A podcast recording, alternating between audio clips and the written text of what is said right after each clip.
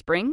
Is that you? Warmer temps mean new Allbirds styles. Meet the Super Light Collection, the lightest ever shoes from Allbirds, now in fresh colors. These must have travel shoes have a lighter than air feel and barely their fit that made them the most packable shoes ever. That means more comfort and less baggage. Try the super light tree runner with a cushy foam midsole and breathable eucalyptus fiber upper. Plus, they're comfy right out of the box. So, what can you do in a super light shoe? What can't you do is the better question. And because they're super packable, the real question is where are you taking them? Experience how Allbirds redefines comfort. Visit allbirds.com and use code SUPER24 for a free pair of socks with a purchase of $48 or more. That's A L L B I R D S.com. Code SUPER24.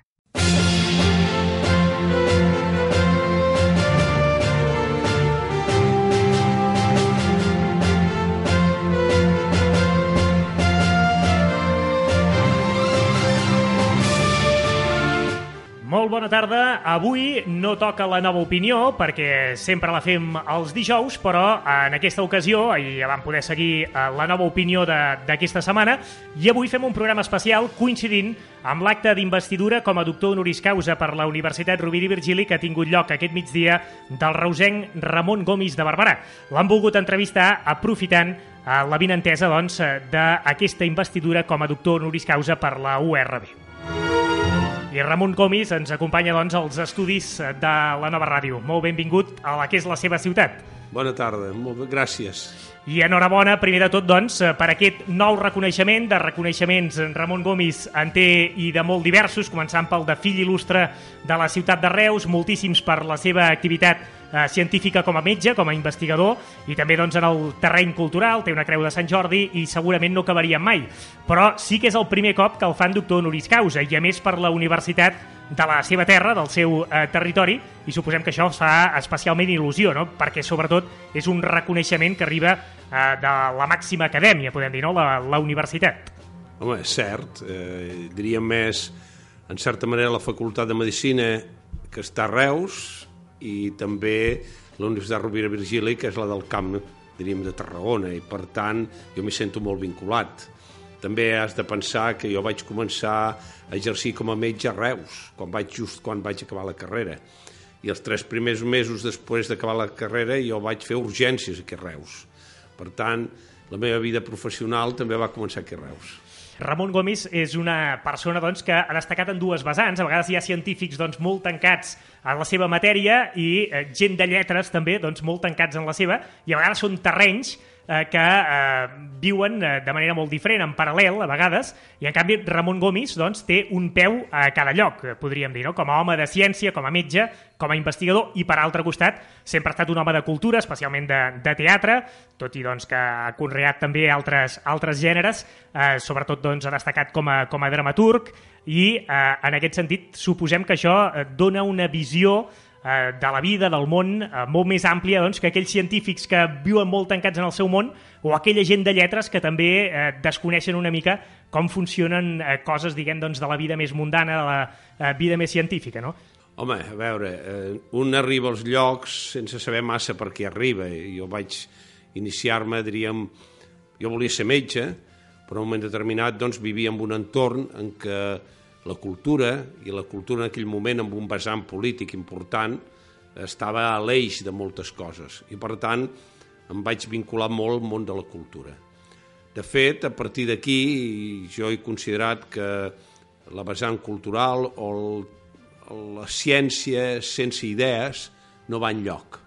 I per tant sempre he pensat que hi ha un punt d'humanisme que fa que la medicina i la ciència hi van molt lligades. I de fet no, no és el primer cas, hi ha molts casos doncs, de, de científics i també d'escriptors que han sigut metges, no? des del Celín fins al Chekhov i fins tants altres. Per tant, no és anormal. Jo crec que potser medicina eh, diríem, té aquesta relació perquè al final tractes amb persones.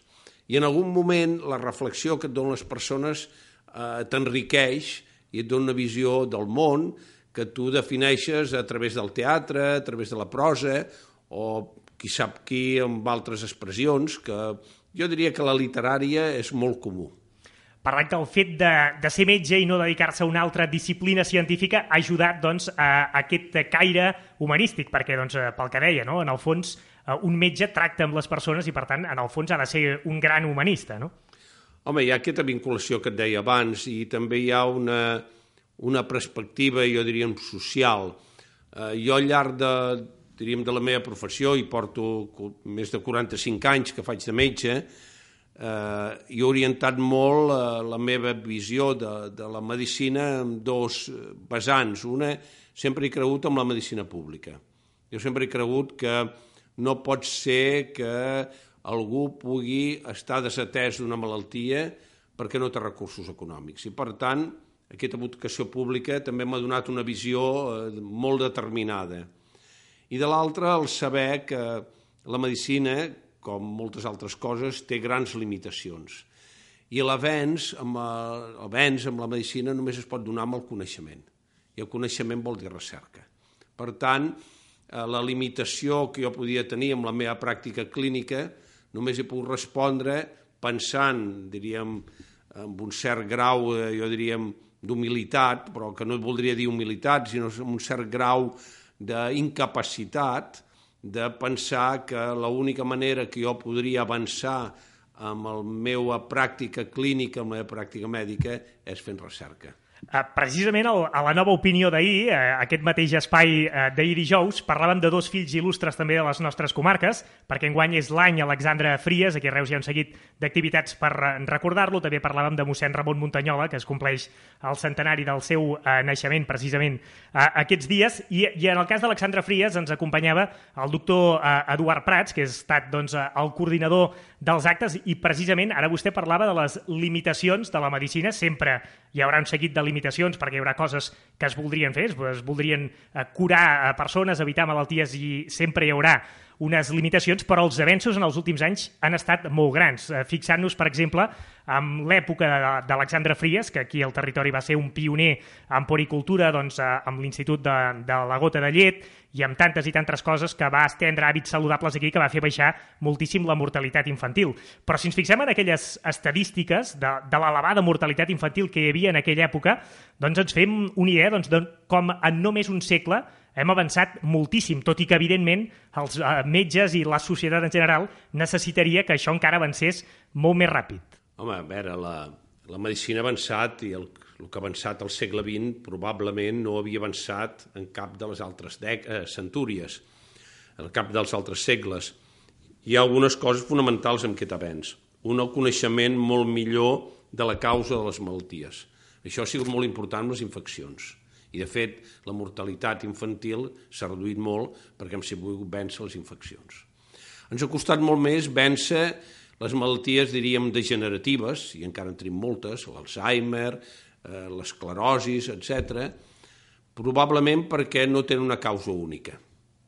I malgrat hem avançat amb el reconeixement d'aquestes malalties, amb la identificació d'aquestes malalties, gràcies als avenços de la, de la, de la física, per exemple, el TAC, la resonància nuclear magnètica i tantes altres avenços de la física, encara no hem sigut capaços perquè possiblement són multifactorials, tenen moltes causes, de trobar el tractament per a aquestes malalties. Una mica passa també amb el càncer. Amb el càncer probablement no hi ha una causa única d'un càncer. Per tant, això ens ha dificultat, malgrat la majoria d'aquestes malalties les hem cronificat. El primer pas per defensar-nos una malaltia és convertir-la en beguda en crònica. Les infeccions les hem curat perquè hem sapigut la causa. Un sap que una pulmonia és causada per un germen que es diu un pneumococ i tenim un tractament específic que és la penicil·lina. En canvi, això amb la diabetis, amb el càncer, és molt més complexa. Probablement els avenços amb el que ha sigut genoma, en què sigut el que se'n diu la genòmica, l'epigenòmica, totes aquestes nous avenços de la biologia molecular, crec que han de, fer, han de generar una expectativa que en 30-40 anys hi hagi canvis molt radicals amb el tractament i la curació d'aquestes malalties. Jo sempre dic una cosa, que un té una data de caducitat, eh, jo he fet 70 anys, la vida és limitada, però jo eh, m'agradaria tornar d'aquí 50 anys per veure-ho i probablement encara fos una estoneta, com les pel·lícules de Woody Allen, només per veure una miqueta el canvi tan radical. Seria un plaer enorme, i això m'ho perdré, evidentment, però jo crec que el canvi en 50 anys serà enorme. Mm, potser ho, ho veurà, perquè, per exemple, Moisès Brogi, recordem que va, va estar en actiu com a cirurgià eh, fins passats els 90 anys, eh? Bé, jo crec que pactaria el que t'he dit de venir-ho a veure, encara que només fos 10 minutets. Ara esmentava una de les malalties en què vostè més s'ha especialitzat, més ha treballat en la seva investigació, la diabetis. A hores d'ara podríem dir que un dia arribarà a ser una malaltia curable? Hi han dues formes de diabetis, per, per fer-ho simple. Una diabetis que afecta els nens i les persones joves, que són gent que necessiten insulina des del principi.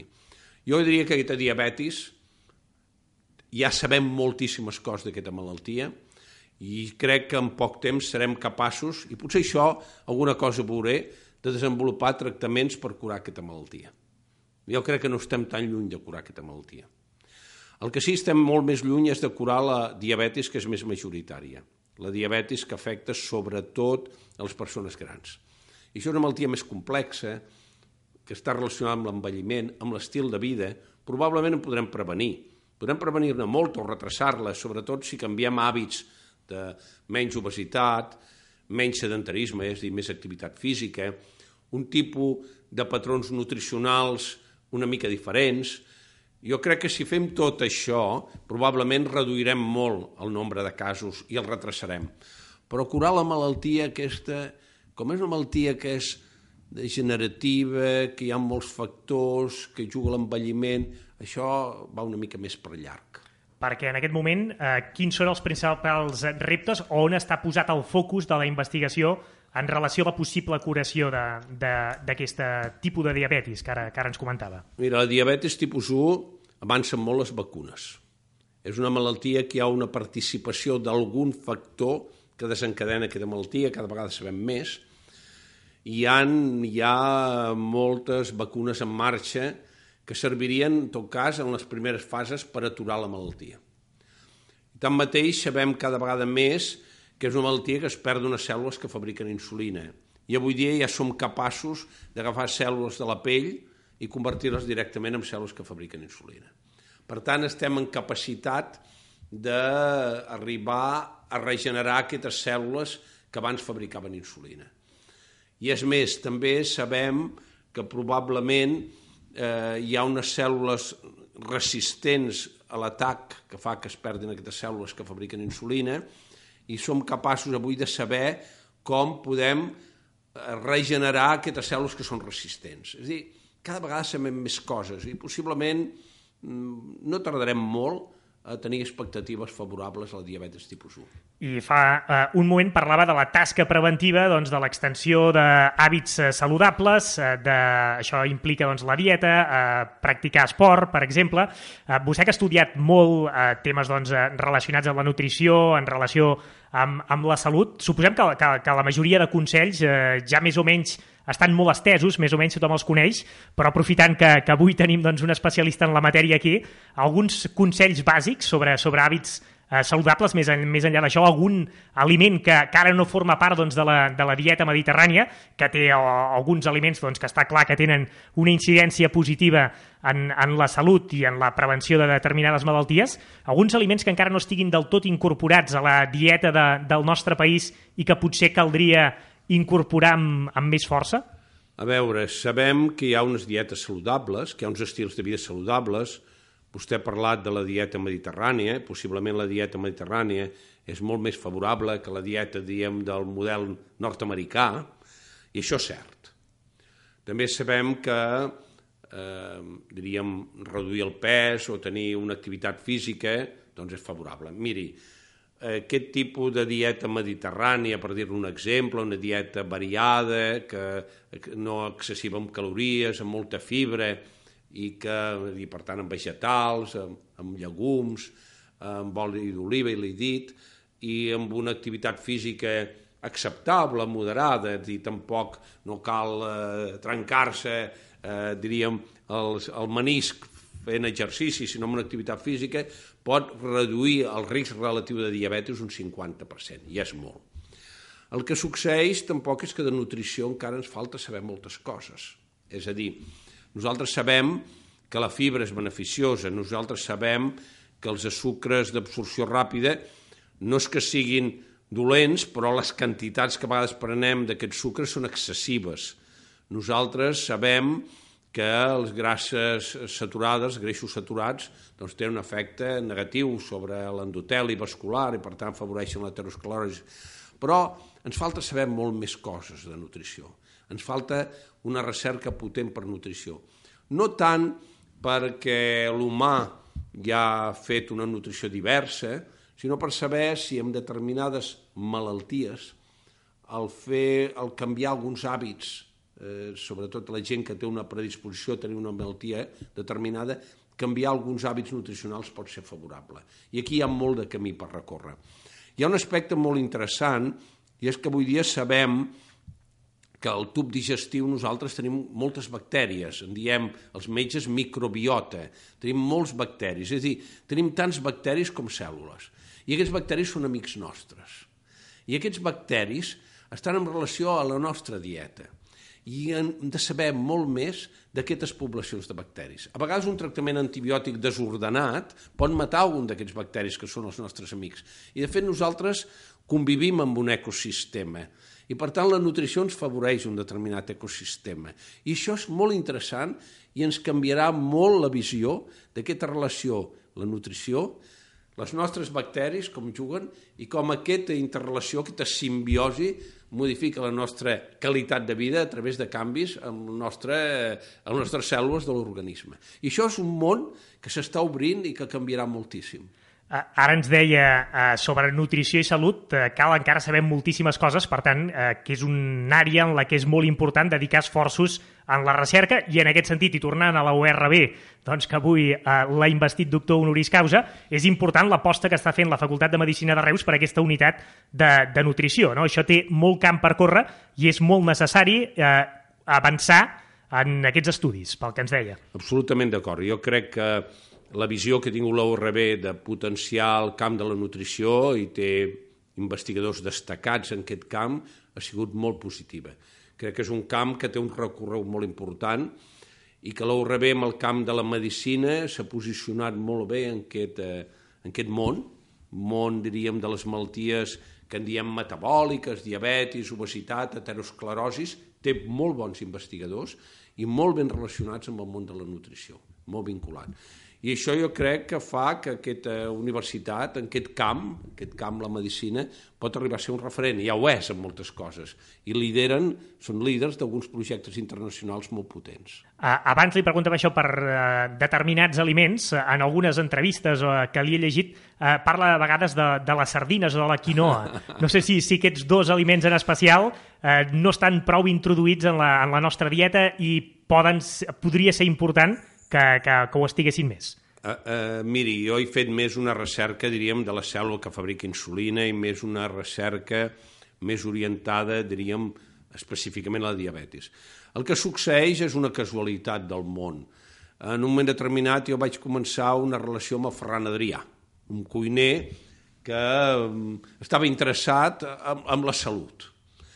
En part eh, hi ha una un aspecte i és que la gastronomia no hauria estat renyida amb la salut. I en Ferran eh, estava molt interessat en això i va promoure, junt amb, en aquell moment, el que és ara la Fundació La Pedrera, amb la Marta La Cambra, un projecte que va ser la Fundació Alicia.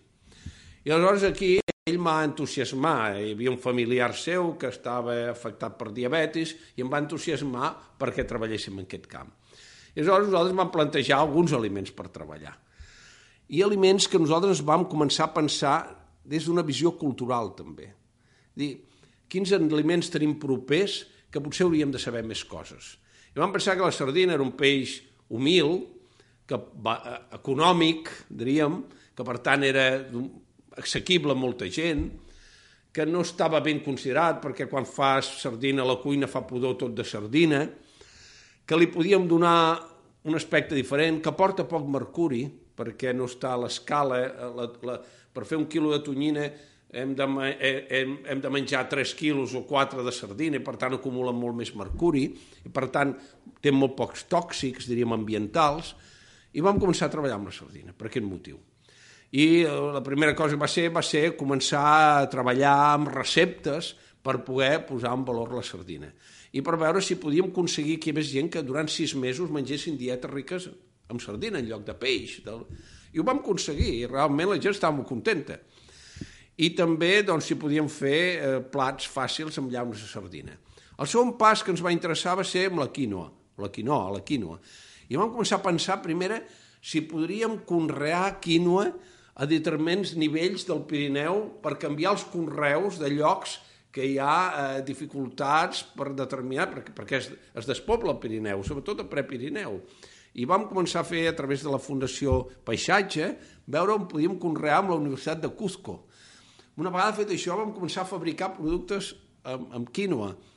Hem estat investigant, i ara hem rebut una, un altre ajut, sobre com se toleren determinades coses, doncs des de la truita en lloc de patates amb quinoa, eh, altres coses, per exemple, que hem procurat fer des d'una paella amb quinoa, hem anat...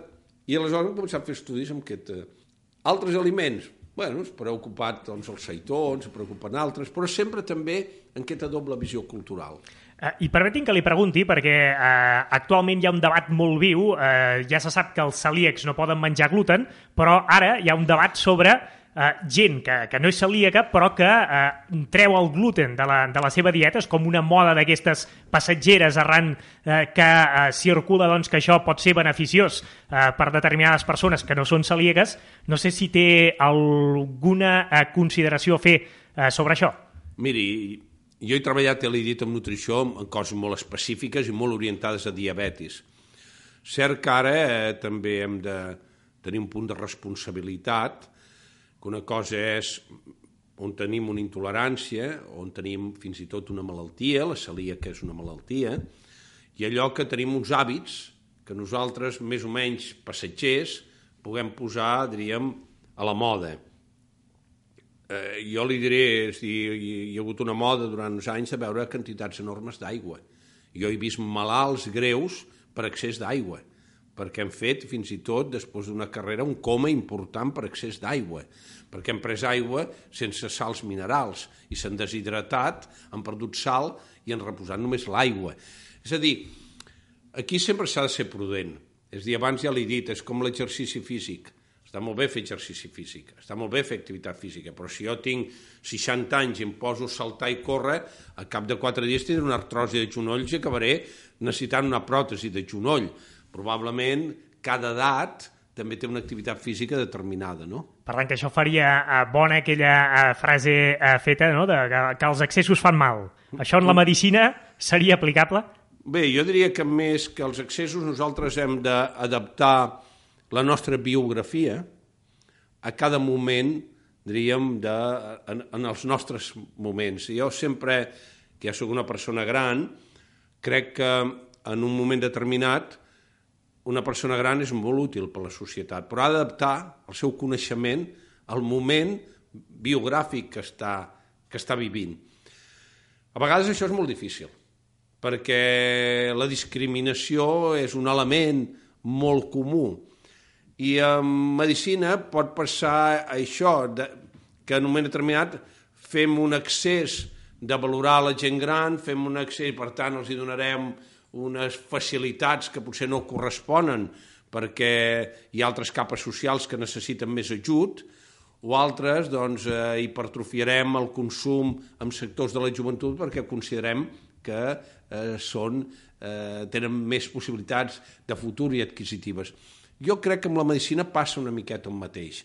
Hem de saber adaptar les activitats nutricionals, físiques, d'estil de vida a la biografia de cada persona ho ha dit al, al principi, eh, per avançar en la medicina és indispensable eh, que hi hagi una bona recerca, una investigació eh, de qualitat. Vostè fa moltíssims anys que s'hi dedica això de la, de la recerca eh, biomèdica. Eh, de fet, actualment, encara, tot i que d'aquí uns dies hi haurà un relleu, és el director de l'Institut d'Investigacions Biomèdiques August eh, Pi Sunyer i eh, fa només uns dies, el nomenaven president del Consell Assessor en Política de Recerca i Innovació en Salut. A partir de la seva experiència, ho estem fent bé a Catalunya en matèria de recerca i especialment en el camp de la biomedicina, d'on han de sortir eh, més recursos per poder eh, encara eh, que aquesta aposta sigui eh, més important. I suposem que, eh, ara de, doncs, com ho estem fent a Catalunya, però suposo que avui en dia, en què tot està interconnectat, eh, la recerca avança en paral·lel eh, a partir de, de, del creuament de dades entre moltíssims equips de recerca escampats per arreu del món. Bé, jo crec que la recerca a Catalunya i la recerca també en biomedicina, en medicina, s'ha fet molt bé. Som en aquest moment, diríem per renta per càpita, quant a determinats indicadors, el tercer país d'Europa. Només ens supera una miqueta Holanda i Suïssa. Probablement, sobretot Holanda. Però estem per renta per càpita, per nombre d'habitants superiors a França, Anglaterra i Alemanya. Això vol dir que s'ha fet molt bé. Aquí tenim una capacitat de generar coneixement enorme en medicina. I només cal que miri la premsa cada dia, vostès la ràdio, cada dia hi han noves aportacions de científics catalans. Jo crec que això s'ha fet bé per una política de captar talent. S'ha captat talent tant del país com de fora. Passa que això és un sistema encara fràgil i, per tant, necessita un suport constant perquè eh, pugui haver un retorn a la societat. I aquest, eh, aquest suport a vegades doncs, pot eh, estar, com és fràgil, pot ser en un moment determinat, pot perdre's. No? Jo diria que de tota manera, mm, amb una mica de cura, sobretot si tenim present que incorporem noves generacions a la recerca, eh, estem en un bon camí. També li he de dir que mm, és bo que nosaltres fem recerca els països que fan recerca són els primers que apliquen el coneixement a la seva societat.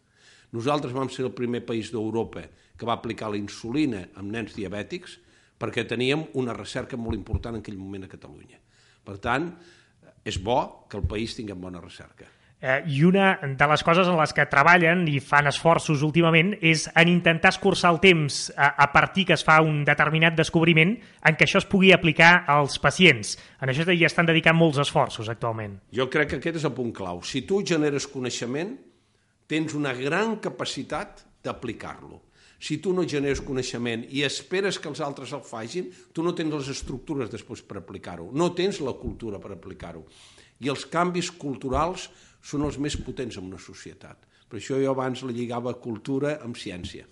I a, a, es tarda molt, això, a, a, quan hi ha un gran avenç, un gran descobriment, a que es pugui arribar a aplicar en un pacient? Jo diria que ara a Catalunya, pràcticament, eh, quan hi ha una descoberta, tenim la capacitat, amb el camp de la medicina, d'aplicar-la pràcticament immediatament. Tenim el talent per això fer-ho. Tenim grans investigadors i grans metges clínics per poder-ho fer hi ha d'haver una recerca que diem clínica, que es fan malalts, i una recerca fonamental. I el conjunt d'això en diem recerca translacional, capacitat de traslladar el coneixement ràpidament a la clínica. I al revés, el problema clínic, portar-lo al laboratori perquè doni respostes per ajudar els nostres malalts. Uh, moltíssimes gràcies a Ramon Gomis per totes aquestes reflexions. Amb Ramon Gomis ens agradaria poder-hi parlar molta uh, estona més, però avui no disposem de més temps. Li agraïm uh, moltíssim que avui, coincidint doncs, amb aquest fet, que la Universitat Rovira i Virgili l'ha investit doctor honoris causa, doncs, han volgut recollir algunes reflexions seves, sobretot doncs, centrades avui en medicina, però com dèiem és un home de cultura, un home de teatre, i no sé si tota aquesta dedicació doncs, a la medicina li deixa temps lliure per conrear aquesta altra seva passió de la literatura i no sé si està escrivint alguna obra de teatre o el té, en té alguna en cartera actualment. Bé, vam fer ja una lectura d'una obra de teatre que vaig escriure aquest estiu, Retorn a Batlant, la vam fer a Tarragona, la vam fer una lectura a Tarragona al magatzem, bé, i en tinc també una altra a pensar. Vaig fent, poquet a poquet, eh, el temps que tinc lliure. Doncs n'estarem pendents. Ramon Gomis, moltíssimes gràcies per ser avui aquí a la seva ciutat i fins aviat. Adéu-siau. Moltes gràcies. Adéu. I fins aquí, doncs, aquest programa especial. Nosaltres hi tornem dijous que ve. Adéu-siau.